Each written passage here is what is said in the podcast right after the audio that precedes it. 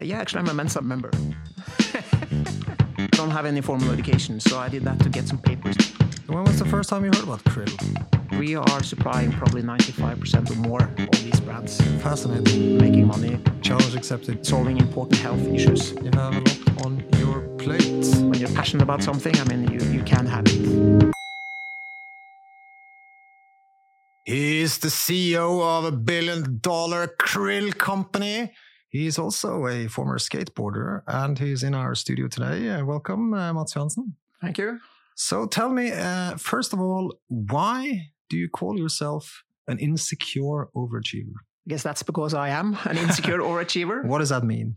So I think it means that I'm always thinking about that. Uh, really, do I really know what I'm doing now? Uh, and and you have that kind of feeling that whatever you do is not enough. You know, you have to always kind of move forward and and you know expand and, and do more than what you're doing. Did you have that feeling when you were standing on top of the skateboard ramp that you didn't know what you were doing, or did you feel more comfortable then? Well, that's actually a good question, but uh, but I think actually I'm more, more comfortable doing that. But I think it's also about when you're a skateboarder, it's just yourself, no one else. You know, when you're CEO of a company, you have shareholders that you're reporting to, you have a big organization, you know, you're taking care of the jobs and their safety and everything. So I think it's just, just a little different situation. What is a pop shuvit tail grab? So that's basically if you if you you stand on a skateboard. You, you wish we were on YouTube now because Yeah, you, we- are, you are you are we are on a on a, on a verbal podcast, but Yeah. you, you would like to show me uh, using your hands. Okay, but you have to try and explain it to the listeners. Okay, so you go on your skateboard, Yes. you take quite a lot of speed, and then you move towards a, uh, you know staircase or a place where you need want to jump, and then you pop the tail of the skateboard to the ground, and by m- moving feet up, that you will actually elevate the skateboard, and then at the same time you twist it uh, to the right, so it goes 180 degrees under your feet, and you grab it by the tail, and then you put the feet back on, and then you land. Do you think I would have been able to do that if I practiced really hard for like a month or a couple of years. couple of years? Okay, okay. I'm, I'm flattered. I think uh, I'm not sure uh, even that, but uh, I appreciate that. I'm going to read a little uh, quote to you here, and you're going to guess who this is. Uh, as a child, Mr. or Mrs. X was described as hyperactive, and his mother took him to therapy. His frustration was so harsh that his parents had him psychologically evaluated at school. The results were that Mr. and Mrs. X was gifted and was tested with an intelligence quotient IQ test of 144. So school advisors then placed him in advanced classes. You are uh, thinking, do you have any idea who this is? I think I might have heard the story before. Might be, is it uh, uh, Einstein? It's not Einstein. It's someone someone you, uh, you admire. Someone your uh, someone close to your heart. You have to help me. Give me a hint. Um his parents supported his skateboarding because it served as an outlet for his excessive energy. Hmm. No. Best skateboarder of all times, Tony Hawk. Tony Hawk. All right. Do you see any similarities? This is a bit of a leading question. Do you see any similarities between the hyperactive and the uh, and uh, the uh, very high intelligence uh, with yourself or anyone else in the Aker organization? Yeah, I mean, uh, yeah, I mean, we have a very uh, active and intelligent main owner in the in in the Aker Group, of course. But um, I didn't find in much about his uh, background on Wikipedia, but obviously he has said uh, several times that he was a school loser and uh, dyslexic Yeah. and didn't read a book until he was 17. Uh, now, uh, who would you rather be if you could turn back the clock? Would you rather be Tony Hawk or Kjell Inge Røkke? that's a very good question, actually. So no, you, ha- you haven't had that question before. You haven't had the dilemma. No, I don't have. I didn't have that dilemma. But I think there have been. Uh, I mean, Tony Hawk is a quite successful businessman as well.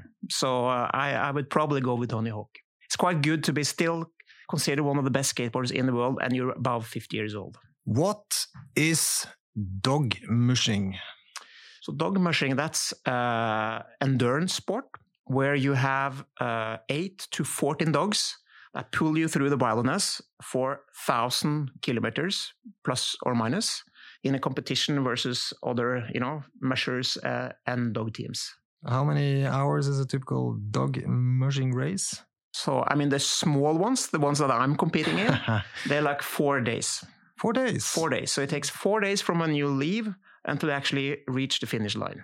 And uh, the big ones? Uh, that's like eight, nine, ten days. Now, um, I took a look in your quarterly report and I noticed that uh, dog food ingredients is about uh, 2% of your 2019 sales.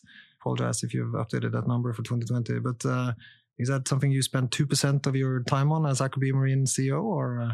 Yeah, maybe I spend a little bit more time. so, but but uh, but it's it's probably our fastest growing segment. So it's quite new, and and it just got a kind of coincidence that I picked that hobby up at the same time as we started to get involved into that sport. So, uh, so no, it's it's an era of opportunity for Aker BioMarine, and um, and I think it's uh, some it's going to be much bigger than that in the future. Speaking of coincidences, can you tell the story to the Arctic Pod listeners of uh, how you ended up working with krill? Is that a childhood dream of yours, or? Uh... No, abs- absolutely not. So uh, I, I, I, used to say it's like a chain of coincidences. So um, I grew up in Kragerø, which is a small city south of uh, Oslo, and uh, and I was um, I was quite I was okay at school. I was very good at math. And uh, did you take the intelligence test like uh, Tony Hawk? Or yeah, actually, I'm a Mensa member. Ay, ay, ay. I was hoping you would guess it was yourself there with the 144. Uh... So I actually did that because I mean I don't have any formal education, so I did that to get some papers that I was smart. So that's why I, I took the test and and become the Mensa member. But anyway, I was there, and then uh, uh, and at uh, at high school, the advisors told me that you should be an auditor. You know, you're good in math. you wanna you know have a good salary and have a good life, you should be an auditor. So I actually applied to become uh, auditor and uh, started education on that. Moved to Oslo and lasted there for maybe two three months. Too many skateboard ramps in the neighborhood. Yeah, you come from Kragerø. We were maybe you know we were two three guys that were skateboarding, uh, and I come to Oslo. There was hundreds. There was a ski slope that was open to ten o'clock every day, um, and uh, yeah, I got some other interests. So when was the first time you heard about krill? I probably it was the first time I heard about krill was when Aker called me. You know, one day in 2009. Uh, then I lived in Prague in Czech Republic and um, didn't have that much connection to the Norwegian business life. You were working for a telecom company in uh, Czech Republic. Is there any synergies or uh, similarities between uh, telecom operator business and uh, the krill business? I think there's a lot of similarity with, between all businesses. You know, it's it's about the product you sell, how you create a value proposition, how you get an organization to function, how you're able to sell it, uh, create value for customers, generate profits. So there's a lot of similarity, just a different type of product. So krill is uh, obviously uh, what you're passionate about now, um, and I think you've stated that your biggest ambition is to get more people to be passionate about krill. Is that uh, so? If if I go into like Walmart.com and search for krill, there's 298 results. Whereas if I go in and search for vitamin supplements, there's more than a thousand results. Uh, what does this mean? I think that means that uh, krill oil plays quite important role in the overall you know, vitamin and dietary supplement space in the US. And uh, Walmart, you know, being the biggest retailer in the US, they they believe krill is important and they carry a lot of products both on the shelf uh, in the physical stores and in their online store. Do you make money only if people buy Kori, or do you make money if people buy krill in general? So we make money either way. So we are by far the the leader within the krill space. So particularly in the US, of let's say the 100 and 150 brands that sell krill oil in the US, we are supplying probably 95% or more of these brands. So if consumers want to buy a krill product, uh, we are generally making money uh, no matter what brand's being bought. So I think that story is maybe a little bit miscommunicated in the market because mm. I think people maybe still associate your success very much with Superba and, and Kori. Mm. Whereas I think it's very important and to understand that you are actually delivering the ingredients to all the krill products. Yeah. So then in a sense, when you are doing marketing for your brands, if people then pick up one of the other brands, that's also a positive. And, and that's the whole idea why we launched Kori last year is that uh, we can we can calculate a business case for marketing completely different than any other fast moving consumer brands company out there because you know if you if you're just the brand you know you will have a leakage of your, of your uh, sales to other brands when you do marketing. We actually capture everything ourselves. So that means that we can afford to spend more on marketing than and than anybody else uh, and still be profitable uh, with with that case. And I think that's also what the retailer liked because as we speak right now, less than one year after the launch, all the major retail chains in the US now carry Kori. I think that's quite unique that you have this little company here from from Norway can just come and break into the US and, and become a major player uh, in a big category in in all the big retailers over there. How much are you spending on marketing uh, in 2021? Have you disclosed that, or is that a rough no. number you can give? No, but we can uh, we can say what we spent in 2020. So we spent 15 million dollars. Oh, that's a start, but there must be hundreds of millions of dollars spent on vitamin supplements and. Uh... No, that will put us kind of on the top list oh, really? of, okay. in terms of. I mean, we started, we launched in July, so that's for like six months. So, Thirty million dollars annualized. Yeah, so so that's that puts us on the top, kind of let's say top five, top 10 in terms of uh, marketing uh, communication in our category. But uh, South Korea, that is a country that has been mentioned in your quarterly report with uh, Superba sales lower in Q4 compared to Q4 19 due to regulatory changes. So please remind me, is, is South Korea ahead of the rest of the world when it comes to krill consumption? Yeah, it is, and it still is. You know, after the, after the troubles we had, and I think also South Korea is a very good example of the potential that uh, sits in our product. How, come? How come they were first? Is it uh, general health and uh, is krill just? Is it a coincidence? Do you think, or? Yeah, no, it's. I mean, coincidence or not, but it's all about consumer education. So in Korea, home shopping is uh, big you know so Absolutely. i was there i was there uh, before the pandemic started and i was live on a home shopping program there's 2 million viewers watching live so this is kind of like normal entertainment for people to watch home shopping and and it's a perfect outlet for a product like we have that you have one hour and you can talk about the product and show the boats and the science and everything we do. And it really responded well. So they run more of these shows. And then in quite short time, everybody in Korea detailed knowledge about the health benefits of the product, what it did for them, and that's basically what drove the sales. So if you look at our market share that we have within omega-3s globally, krill is maybe 3-4% globally. Korea, it's 70% of all omega-3s. So, so that tells you the potential it is if you just are able to tell all the consumers about the benefits. And are you selling mainly directly your brand in Korea, or you're selling to also to other uh, brands? So in Korea, we uh, so it's only in US where we have our own brand, Kori, the Kori brand. All the other markets, we are selling ingredients. Superba, which is a branded ingredient, you can compare it to Intel that you find on your computer. Intel inside, Superba inside of all these other brands that's out there. Fascinating.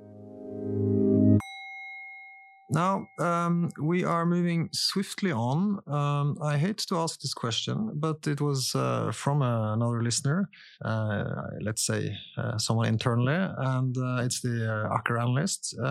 You have an office at Fornebu. There are plenty of Aker companies. Mm. Um, is there a difference in the atmosphere and the, you know, there's a couple of companies, Aker Offshore Wind is up 488% since its IPO. Aker Carbon Capture is up 944 since its uh, IPO.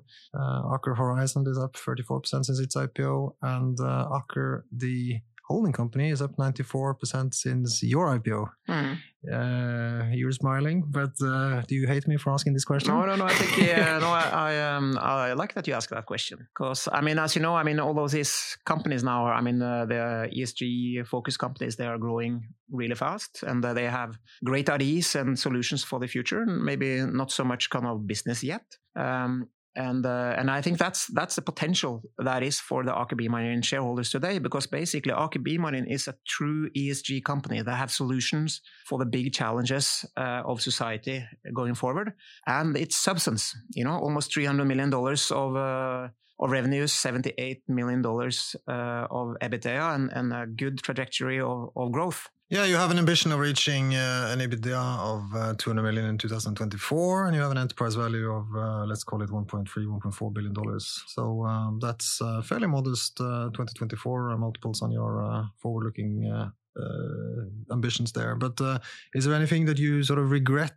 uh, after the IPO? Is there? Uh, I mean, you're an optimistic guy. Yeah, yeah. Have you no? I mean, uh, there's no. I mean, the, the you nothing I regret, and um, and I think we came out. I think we got a good pricing there, um, and and I think that we are still being priced as a fishing company because a lot of, especially maybe Norwegian investors, they remember us when we were on the stock exchange uh, in the last period. You know, back in Be- before your time, fair before to my before Yeah. my time. I was actually there at the end, but um, but anyway, so we're not a fishing company anymore. I mean, we just happen to to be vertically integrated to take care of and, and harvest the biomass. But we are really uh, a biotech company with a strong ESG uh, profile that has one of the lowest CO2 footprint for, per edible protein that's available in the market. We are helping making aquaculture production more efficient, bringing more food to the table uh, and solving important health issues for, for society and, and for people. So I think it's just a matter of time before people, you know, they need to get it's a complex business of Aker BioMarine. They need to get to know it. They need to see what we are and, and what we're doing. And then I think we will see a different pricing of the company in the future. You mentioned ESG a couple of times. Uh, can you elaborate a little bit on your uh, cooperation with Greenpeace, for example? Yeah, I think that's a very good example. I mean, we we I mean we we we fish for krill in Antarctica, and we have an ambition, and we had an ambition for a long time to be the most sustainable fishery in the world and become a role model for any other fishery globally. And actually, for the last five six years, we have actually been rated the most sustainable fishery in the world. Whatever you take up from the ocean, it's not possible to do it in a more sustainable way than what Aker BioMarine currently is doing. But that doesn't mean that we're resting and not kind of uh, continuing to develop and do more. So what we did uh, quite recently is that we, together with the Greenpeace, we uh, defined some marine protected areas in Antarctica where we as an industry will, will voluntarily not harvest, even if the regulation that's already quite strict, uh, technically would allow us to do that. And I think it's quite unique for uh, a corporation like Aker BioMarine to have that type of partnership with Greenpeace. They typically don't like to team up with businesses, but in our case, they actually did. Quite impressive. Uh, moving on, can I mention a couple of uh, names? And uh, they are Lysoveta, Invi, and AION. And then uh, there is a statement that you've given, which is never underestimate return on luck.